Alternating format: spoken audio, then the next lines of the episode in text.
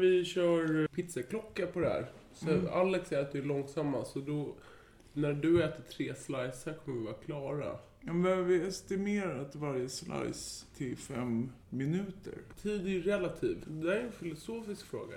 Filosofi är någonting som återkommer när vi jobbar ganska mycket. Jag hörde en intervju med en modeperson idag. En guru var det. Modeguru som snackade om... Eh, handlar mycket om... Eh, Han eh, snortar konst. Eller jag, det är min tolkning. Han, han pratade om att han var en vampyr och sög i sig ett, liksom det här med att snorta kultur. Som sen så här, gör en hög som man sen skapar ifrån. ja, jag sitter och är vampyr på den här soppan som du har lagat. Den är jättegod. Mm.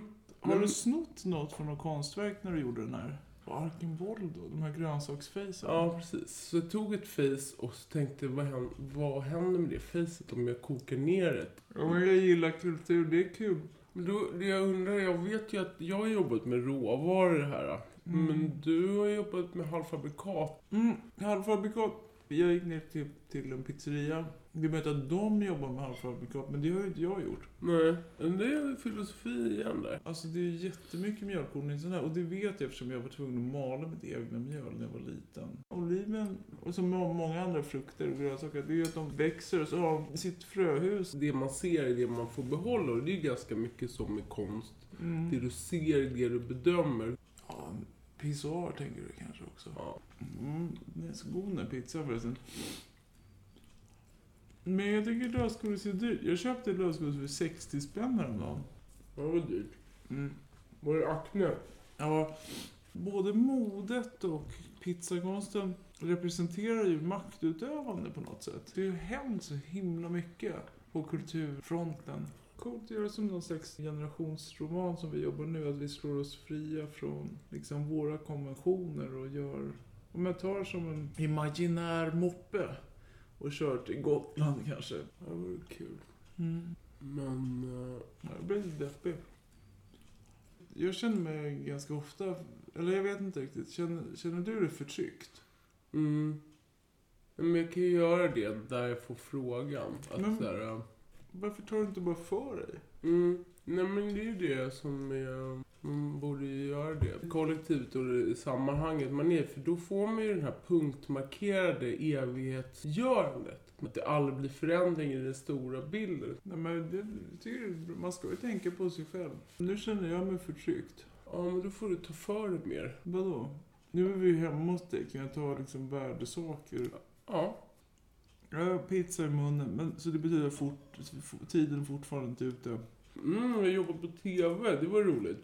Mm, man var i ett klipprum. De hade datorer. Mm, vadå? Jag tror vi hade svartvit tv fram till...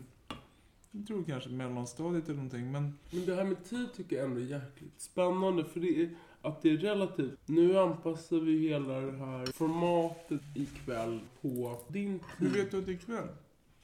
Jag vet inte och jag vill veta. Ja, men det gör, det- gör att jag går upp på morgnarna för jag vet inte.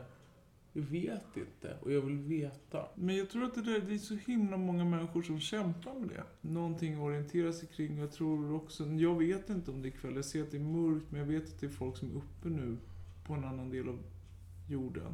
Nu håller de på att forska på att människor ska kunna få äta något piller så att de ska kunna vara uppe i två veckor i sträck. Precis som sådana här fåglar som åker över Atlanten. Det kan ju göra om hela genetiska uppsättningen. Mm. Men det betyder att vi kan ju göra, när vi är i slutproduktion, du förstår vad det ska kunna innebära. Vi kan göra uppe dygnet runt. Vi kan ju bli klara lite tidigare och ta, göra ett annat gig. Eller gå ut och käka samtidigt som vi jobbar.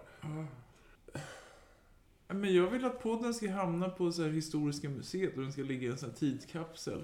Tillsammans med min aknehalsduk.